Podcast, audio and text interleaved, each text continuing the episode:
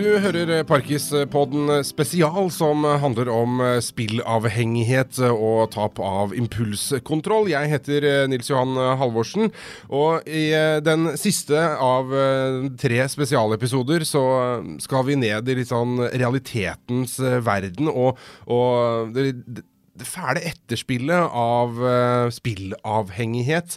Uh, gjestene i denne episoden er partner i advokatfirmaet Roander, Lars uh, Kjønniksen, og helsefaglig rådgiver i Norges Parkinsonforbund, Ragnhild Støkke. Men først så må vi si det at Parkinson er en fæl sykdom å få. Og det er mange andre også utfordringer knytta til sykdommen. Og det er også store utfordringer knytta til medisineringen og en av de er da tap av impulskontroll. Som i sin tur kan føre til ukontrollert spill, pengespill. Før vi snakker med gjestene, så skal vi igjen møte Lise Gro, som uh, forteller sin historie. Og det gjorde hun til deg, uh, Pia Pedersen. Det stemmer. Jeg dro ned til Tønsberg og snakket med Lise Gro Flakstad og hennes gode venn og ikke minst gode hjelper Inger Tømte. Um, ja. Lise Gro hun begynte på sånne dopaminagonister i 2010, eh, og begynte å spille ganske kort tid etterpå. Uh, hun hadde aldri før hatt noe interesse for spilling. Et par dager etter at hun sluttet på medisinet, så sluttet hun også å spille. Uh, og så er det rart at ikke legene fulgte bedre med. På et tidspunkt så gikk det ett og et halvt år uten at hun traff verken lege eller nevrolog. Ingen. Hun traff ingen profesjonelle. Så øh, mistet hun grepet om økonomien, måtte selge det store huset ved stranden i Tønsberg, men det dekket ikke alt, så hun har fortsatt en million i gjeld. Um, og da begynte hun og Inger Tømte å søke jobben med å søke erstatning. Og det trodde de skulle være en enkel greie, men det var det ikke. Altså, vi trodde at dette, det å søke om erstatning og sånn, det var en ikke opp, ja, nest, liksom. Nærmest en motorvei. Ja. ja. Det var bare sånn det var, og så ordna det seg. Mm. Men sånn er det jo, som vi har snakket om allerede, ikke. Mm. Mm. Så her er hus som måtte selges og greier. Mm. Det som lå nede på Ringsa, var uh, mye verdt. Mm. Men det dekket ikke hele mm. lånet. Jeg syns det er vanskelig. Fordi jeg ser jo hvor hvor, hvordan Lise har slitt og, og lider, og ungene og altså Alt henger sammen med alt. Så Samme hvor du begynner å se, så, ja, så kommer det på en måte tilbake til at medisineringen der og da, og som ingen eh, sa at hun hadde lyst til å slutte, til og med fordi at familien kjente henne jo ikke igjen og lurte på hva i all verden som skjedde. og i det hele tatt, Så hadde hun lyst til å slutte med pillene for å vise dem hvordan det egentlig ville vært med bare parkinson og ikke pillene. Men det ble hun frarådet. Hadde den legen grepet fatt i det, så kunne det kanskje ha stoppa noen millioner før. Mm. Ja. Og jeg, ja, jeg syns det er vondt. Det går skikkelig Det tar tak i, i meg også. Ja. Mm. Hvem tenker dere har skylda eller ansvaret for dette, da? Vi har jo vært helt oppe fra vi har jo skrevet brev til statsministeren, til Høie. Og det er jo Parkinsonforbundet har visst det i alle år. Så det her er de høye herrer som har ansvaret. Og jeg har jo til og med sagt det. Jeg, selv om ikke jeg har skjønt konsekvensen av det. Men det har ikke vært noe lukka. Så de og selvfølgelig han legen som gir meg tabletter og ikke stopper. Og det står jo i journalene at de har visst det og ikke stoppa meg. Hva tenker du, Inger? Hvem er det som har ansvaret for dette? Ja, jeg vil jo si at det er legene i, i, første omgang. Altså, De skal informere, men det betyr ikke bare sånn nevne. Men jeg kan jo nevne jeg, hva legen min sa til meg da jeg begynte på agonister. Ja, så får du si fra hvis det blir spillegal. Det var den advarselen. Uh, men jeg husker den ennå, da. Men da, det, det, rammet ikke meg. Nei, For du går fortsatt på det? Ja, ikke, ikke så Jeg har gått ned i forhold til dose jeg gikk på tidligere, men, men uh, ja, jeg går fortsatt på de. Mm. Eh, men, men, det med å informere, det, da skal de også forsikre seg om at pasienten virkelig har skjønt det. Kanskje gjenta etter meg, holdt jeg på å si. Altså, og det, det, har de ikke gjort, og det er ikke fulgt opp ordentlig i det hele tatt.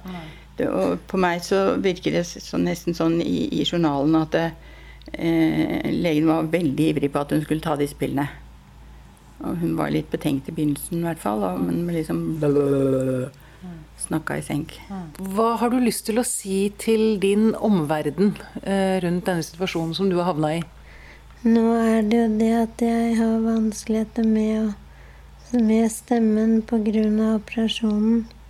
Men jeg har jo blitt tatt for å være tilbakestående når jeg ikke har språk. Så det å kunne Ja. ja folk sier, eller det har blitt brukt mot henne, at de sier at hun har, har så dårlig språk. Men Lise har ikke dårlig språk, hun har dårlig stemme. Mm. Du hører jo godt. Mm. Språk er aldeles utmerket. Mm. Ja, så det er Men det er det at folk må sette seg inn i parkinson, fordi de vet ikke hva det er. De tror vi er rusa. Og vi går dårlig, og vi Så det er en jobb å gjøre med det, og det i ytterligere i ytterste konsekvenser når du spiller Folk skjønner det ikke. Og de er ikke slemme, og de er ikke Men de bare forstår ikke hvor jeg har gjort alle pengene. Og, og da, de tror jeg liker å spille. Kunne du ikke bare slutta, liksom? Mm. Mm. Hvis du får erstatning, ja, da spiller du vel opp den nå, da. Ja, er det noe du har lyst til å si sånn helt på slutten her, Lise? Når, nå, når du nå har hørt tidslinja di beskrevet og Jeg syns det er veldig bra at noen tar tak i det. Mm. Mm, du gjør en kjempejobb. Ja, det må du takke Norges Parkinsonforbund for. Mm. Det er de som har sendt meg hit. Bra. På tide.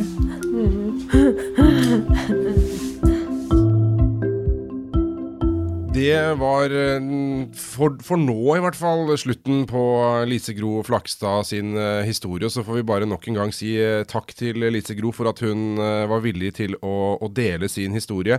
ja, Ragnhild, når du hører, hører dette her, hva, hva, hva, tenker du om den situasjonen som, som Lise Gro er i?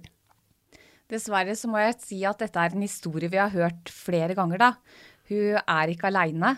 Så det er mange som har det i lignende situasjon. Ofte så har det ikke gått så langt som det det har gått for Lise, men det har fått store konsekvenser for livet til de som har parkinson, og for familien rundt. da. Mm. Hvem har skylda? Det er et veldig stort spørsmål. Men det er helt klart at helsepersonell har et stort ansvar her. Det å gi informasjon, og litt som Inger Tømte var innom, det å sørge for at informasjonen er forstått. Det tror jeg de er altfor dårlige på. Og da handler det om at kanskje informasjonen må gis i mer enn bare en muntlig form. At man må få med seg skriftlig ark, så man er mottakelig for å kunne lese litt seinere, da. Mm. Ja, Lars, eh, som jurist, som advokat, så... altså hvor, hvem, hvem, skal, hvem, hvem, skal, ta ansvaret for dette her? For den situasjonen hun har kommet i som er helt fortvila? Ja, først og fremst har jeg jo lyst til å uttrykke medfølelse. Altså Parkinson er jo en forferdelig sykdom. Og når man i tillegg da får disse alvorlige bivirkningene som både får en stor økonomisk eh, følge, og ikke minst også familiært for veldig mange, så, så, eh, og når, når, det gjelder da ansvaret, så har vi jo da i Norge en, en eh, erstatningsordning som heter Norsk pasientskadeerstatning. Og som nettopp er ment for å uh, vurdere om pasienter som har fått skader etter behandling i helsevesenet, har rett til erstatning. Og da er det sånn at hvis uh, man ikke ikke har fått tilstrekkelig informasjon om eh, risiko for f.eks. spilleavhengighet, eller man ikke har blitt fulgt opp godt nok av helsepersonell, så vil Norsk pasientskadeerstatning kunne eh, gi rett til erstatning for manglende oppfølging i helsetjenesten. Så har man også en mulighet til å søke erstatning gjennom eh, legemiddelforsikringen, som også forvaltes da av eh, Norsk eh, pasientskadeerstatning. Mm, men så virker det da som at det ikke er noen enkel sak. For som vi hører her, eh, eh Lise Gro og hennes eh, hjelper Inger og andre har, har forsøkt, prøver, er i prosesser som er krevende. Det er en krevende øvelse. Det, er, det, kan være krevende for det første å få en erkjennelse av at uh, leger og helsepersonell ikke har gitt tilstrekkelig informasjon. Og det er helt riktig som det blir sagt fra Parkinsonforbundet, denne informasjonen den må forstås. Og jeg tror at det er viktig også at man har med seg pårørende, i den grad det er mulig, at man, disse også informeres. Men den kampen er tung, eh, og det er derfor vi også er engasjert i disse sakene. Fordi at veldig mange har ikke fått tilstrekkelig informasjon, og det har vi også fått bekreftelse fra, eh, på fra sykehusene, som erkjenner dette. Og så står man da oppi det som er den største utfordringen, nemlig hvilken erstatning er det de har krav på. Og der tror jeg nok at vi fortsatt har en, eh, et stykke å gå, eh, og hvor jeg nok vil eh, driste meg til å si at jeg oppfordrer de som har kommet i en tilsvarende situasjon, om å søke råd hos Parkinsonforbundet og hos oss for å søke om erstatning. Mm. Fordi man vil ofte avvise dette som en ikke-erstatningsmessig konsekvens det at man blir spilleavhengig, bruker opp mye penger. Men hvis det gjelder mange, så er dette mer en kjent komplikasjon til disse dopaminagonistene, og som da lettere kan nå frem med sine erstatningskrav. Ja, og, og nå, nå, vet vi jo da at det etter hvert er mange dette her eh, omfatter. Hva, hvordan jobber Parkinsonforbundet med det her? Vi jobber jo veldig mye mot eh, helsevesenet for å få de til å få en forståelse for hva slags ansvar de sitter med. Eh, vi har jo ytret et ønske om at de skal følges opp etter tre måneder etter at de har fått utskrevet dopaminagonistene, sånn at det kan fanges opp tidlig at her er det noe som er gærent. For det vi oppfatter også, er at de som får impulskontrollforstyrrelser, de skjønner det ikke selv. Og da må noen på en måte stille de rette spørsmålene, da for at man skal kunne finne ut av det før konsekvensene blir så store mm. som det det f.eks. har blitt i Lise sak eller i andre sak. da. Vet ikke legene som skriver ut disse medisinene hvor ille det kan gå? De er, virker ikke som de er klar over uh, hvor uh, alvorlige konsekvenser disse bivirkningene kan føre til? Jeg tror nok de er klar over det. Jeg tror bare mange i en travel hverdag ikke setter fo nok fokus på det. da. Og at det gjør at de ikke velger å innkalle de til en tremånederskontroll. Noen leger har begynt med det og gjør det helt konsekvent fordi at de har sett hva dette her betyr for pasientene. Eh, og de skjønner betydningen for familien også, som står bak det. da. Mm.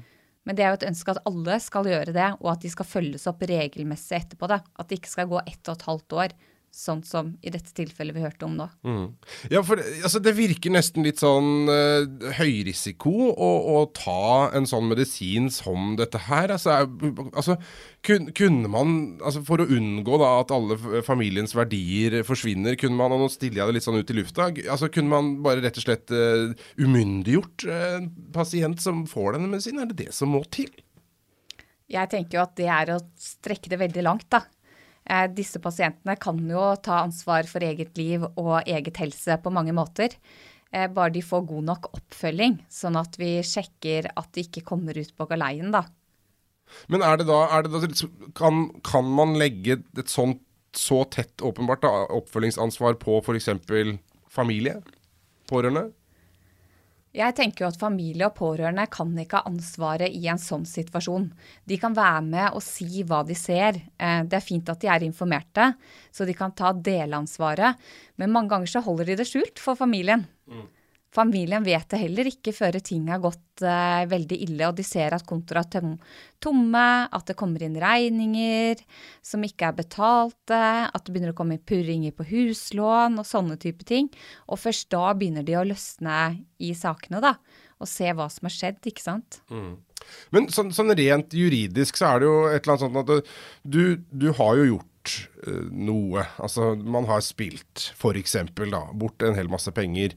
Men så har man gjort det, altså, hva skal man si, i rus? Er det, er det, sånn, er det sånn, det defineres? Uh, Nei, det defineres ikke som rus. Dette er en rein bivirkning av et legemiddel og som ikke kan klassifiseres som rus. Men om det hadde vært rus, så ville for så vidt det kunne vært det samme hvis det var en annen type medikamenter som hadde ført til en type rusavhengighet. Men det, altså, det er ikke det man står overfor her. sånn at dette er en ren bivirkning av et, av et medisin. En alvorlig bivirkning som får store konsekvenser, både økonomisk og ikke minst sosialt. Mm. Men det jeg syns er merkelig, da, som en som ikke kan jussen i det, er jo det at når, når øh, sykehus innrømmer at de har informert for dårlig, og bivirkningen er veldig klar og tydelig, da tenker jeg at vær så god, ta penger, eh, f.eks. Eh, Lise Gro.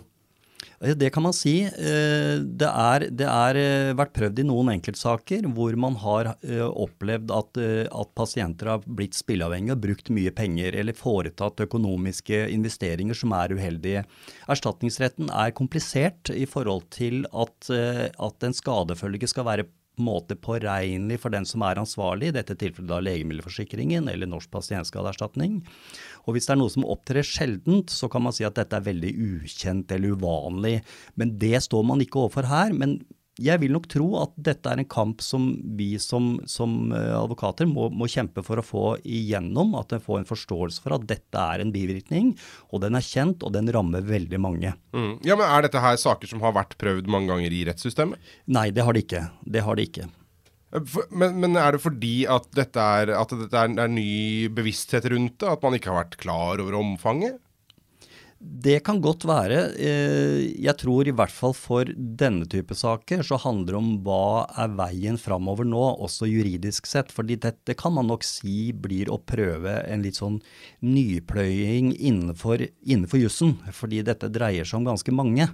Og det dreier seg ikke bare om spilleavhengighet, det dreier seg om shopping, sexavhengighet, i det hele tatt. Sånn at dette har et ganske bredt nedfallfelt, og det gjelder mange. Mm. Ja, uh, Si litt mer om det, Ragnhild. Altså, uh, vi hører det er ca. 30 uh, omtrent av de som tar dopaminagonister, som, som får en, en impulsforstyrrelse. Uh, impulskontrollforstyrrelse. altså, det, det, gjelder mange. Hvor, hvor, stort omfang ser dere at dette har?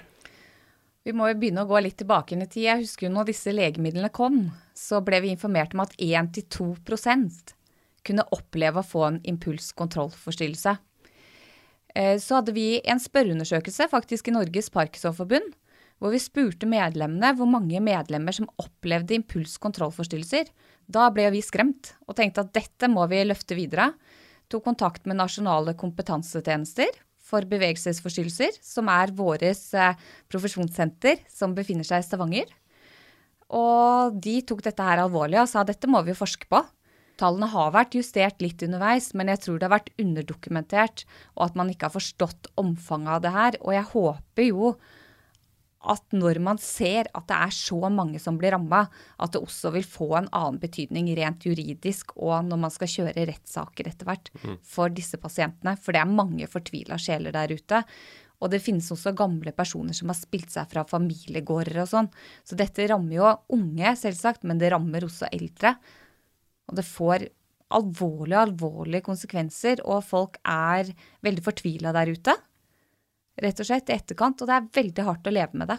Men det virker nesten som om eh, Er, er dette en medisin som er så verdifull at, at, man må ha den? Men jeg tenker når det er så store bivirkninger som så alvorlige følger får, eh, kan man ikke bare slutte med den? Utfordringen med Parkinsons sykdom er jo at den er kompleks i utgangspunktet. Den gir komplekse bevegelsesforstyrrelser, den har med seg noen smertetilstander, og den har med seg en del skjelvinger. Og det er ulike typer medisiner da, som hjelper for de ulike typer symptomene. Og ofte må medisiner gis i kombinasjon for å kunne gi en god lindring.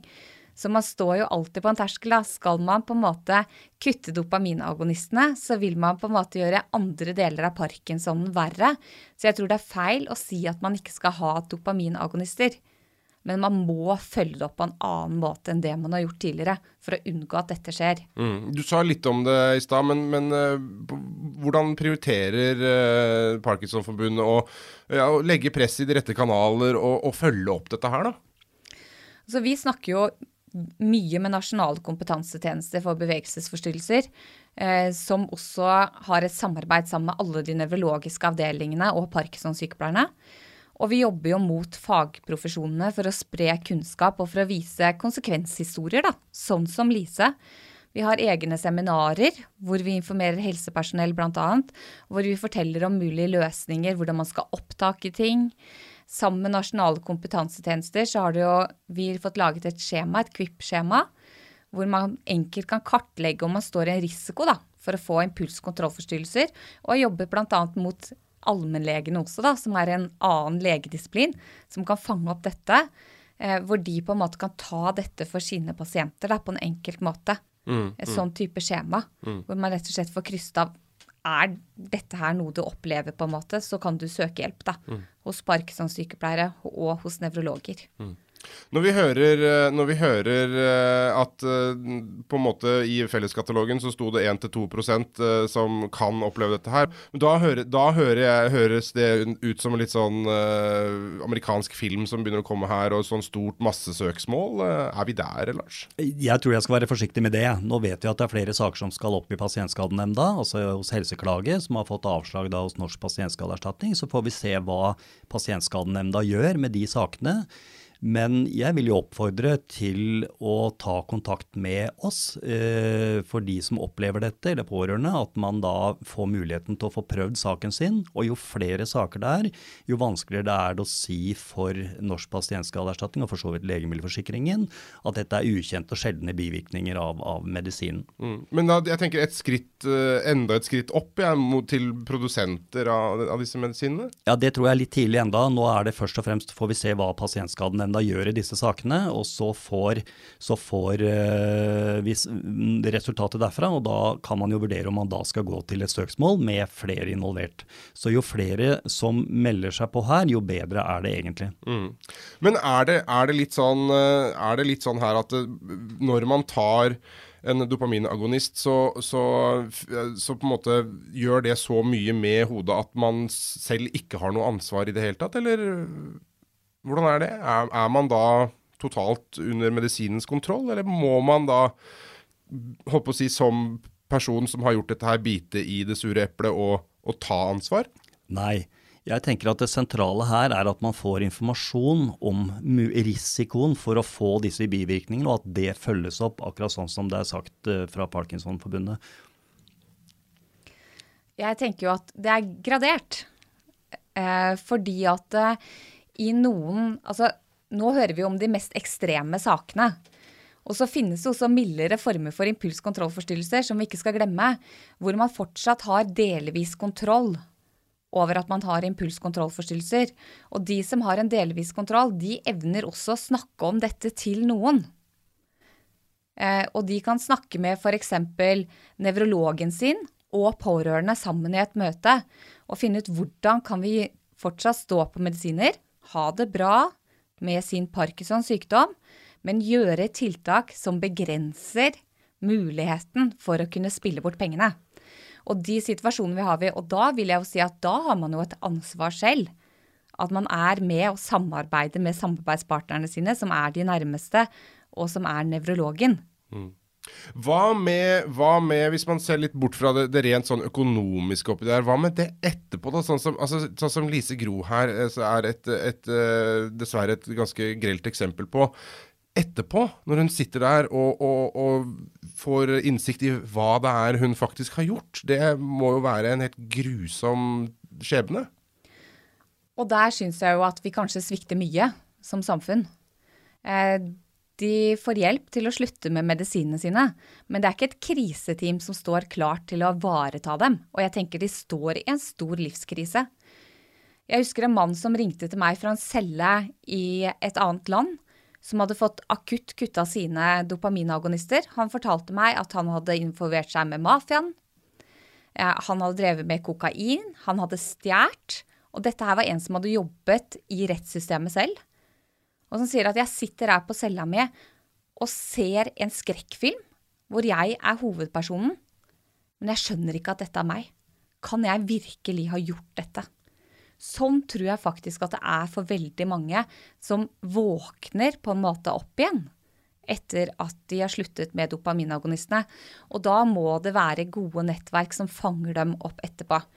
Ja, vi, de kan ringe til meg i forbundet, Og jeg kan snakke med dem, men det er så mye mer som må på plass. Det må være psykologtjenester der. Familieterapeutene må inn i bildet for å skape dialog. Det er masse brutte relasjoner ofte, eller i hvert fall skada relasjoner som må repareres. Ofte så trenger de hjelp til å kunne leve akkurat der og da. De har kanskje ingen økonomiske midler, da. Sånn at Nav må inn i bildet for å kunne hjelpe dem. Kunne hjelpe dem med tvungen gjeldsordning, f.eks. For, for å få midlertidig kontroll da, mm, mm. over det økonomiske situasjonen. Kunne sørge for at de har et levegrunnlag, da. Mm. Og der det er barn inne i bildet, at det blir opprettet en slags verdighet. Og at man kanskje også får hjelp til å kunne snakke om det i lokalmiljøet, da. Hvordan håndterer man det hvis man har opptrett uetisk overfor andre? Praten går, ikke sant? Hva med den? Mm. Hva med skolene hvor barna går? Hva med arbeidsplassene hvor de jobber, eller andre sosiale arenaer? Det å kunne få gitt adekvat informasjon, da, for å dempe rykteflommen, for å gjøre det lettere å kunne leve i det miljøet man er i. da. For noen sier at jeg er nødt for å flytte fra der jeg bor, for jeg kan jo ikke leve med dette. Mm. Alle ser på meg. Hva, hva var liksom din, din innfallsvinkel på, på, det som Ragnhild sier her nå? Er, er, hva, hvordan er jussen oppi det? Jussen her er veldig begrensa, i hvert fall når det kommer til erstatningsretten. Eh, det å oppleve den type tap av livskvalitet som mange gjør, hvor, hvor man sitter igjen med skyld, skam, snakk, alle disse tingene som, som Ragnhild har snakka om, det i en erstatningsmessig sammenheng så, så, så, er det et beskjedent beløp. Men det er muligheter for å få erstatning for det som kalles for tap av livskvalitet. Men det er jo ikke store beløp, og det vil jo ikke kunne bøte på det, det som egentlig hjelpeapparatet bør gjøre i ettertid. Mm. Så, da, så, da, sitter man liksom der, da, uh, aleine? Ja, man gjør vel egentlig det. Ja. ja. Og, da, og da, er I hvilken grad kan Parkinsonforbundet bidra inn, inn der, Ragnhild? Det er alltid mulig å ringe til oss. Eh, og det har jo vært mange ganger også at Jeg kjenner jo nevrologimiljøet veldig godt. Så det har jo vært enkelte tilfeller hvor jeg har hjulpet inn også. For det er jo en ting vi ikke har snakket om her, er at eh, ok, man oppdager kanskje at her er det en impulskontrollforstyrrelse som pårørende. Men hvordan komme til, da? Hvordan få snakke med de personene som fysisk kan hjelpe dem ut av den situasjonen de står i? Hvordan få kontakt med nevrologen? Hvordan få kontakt med Parkinson-sykepleierne? Uh, og i de fleste tilfeller så klarer vi jo på en måte å få hjulpet de til å opprette en dialog sånn at de kan få den hjelpen de trenger. Mm. Og så er jo Vi vil alltid være der. Eh, men vi har begrenset kapasitet, dessverre. Så vi kan være der for en prat. Vi har en eh, Parkinson-telefon de også kan ringe for å snakke med andre som har Parkinsons sykdom. Eh, for å kunne få støtte. At dette her er en vanskelig situasjon, da. Og så prøver vi også å oppmuntre dem til å søke hjelp, altså hos familieterapeuter. Søke psykologhjelp for rett og slett å få de gode verktøyene for å kunne håndtere det. Det finnes jo også en spillelinje hvor man også kan få litt hjelp mm. uh, og litt veiledning. Så når det gjelder spill, så prøver vi også å hjelpe de til å ta kontakt der, da. Mm. Blå Kors òg er jo gode på sånne ting, ikke sant. Mm. Bruke gode nettverk som har jobbet med dette på andre måter. Vi skal uh, begynne å runde av her, eh, tenker jeg, i, i eh, denne siste episoden i Parkins, Parkinspodden spesial uh, spillavhengighet uh, og uh, tap av impulskontroll. det pleier alltid å avslutte med noen gode råd. Hva er dine råd, Lars, til, til dem som enten står i dette her sjøl, eller er pårørende til noen som, som, står i en sånn situasjon? Ja, Da velger jeg å ta det måte, sånn erstatningsrettslige tilnærmingen her, i og med at det er litt min rolle her. Så da vil jeg nok si at uh, kontakt Eh, gjerne Parkinsonforbundet, eh, som kan eventuelt sette den enkelte i kontakt med oss, være seg den enkelte selv eller, eller pårørende, så vil vi eh, vurdere saken og kunne bistå med å melde denne inn til, eh, til Norsk pasientskadeerstatning. Nå vil det også være sånn at hvis man da har en kognitiv svikt eh, som følge av, av selve sykdommen, så vil Norsk pasientskadeerstatning kunne dekke utgifter til advokat i forbindelse med å få utreda saken. Men hvis de ikke gjør det, så, så vil vi allikevel kunne bistå uten at det nødvendigvis skal eh, koste den enkelte noe, og hvor vi da opererer med en såkalt resultatbasert avtale. Mm. Eh, du kommer med mange gode råd her nettopp, Ragnhild. Men vil du avslutte med en, en, eh, noen gode råd til dem som finner seg sjøl eller noen de er glad i i en sånn situasjon? Ta kontakt med helsevesenet og få hjelp til å redusere dopaminagonistene så man gjenvinner kontrollen. Og ikke stå i det aleine etterpå. Søk hjelp av profesjonelle partnere. Ragnhild Støkke, helsefaglig rådgiver i Norges Parkinsonforbund og partner i advokatfirmaet Roander, Lars Kjønniksen. Takk for at dere kom til Parkispodden. Eh, og så eh, sier vi bare takk for nå.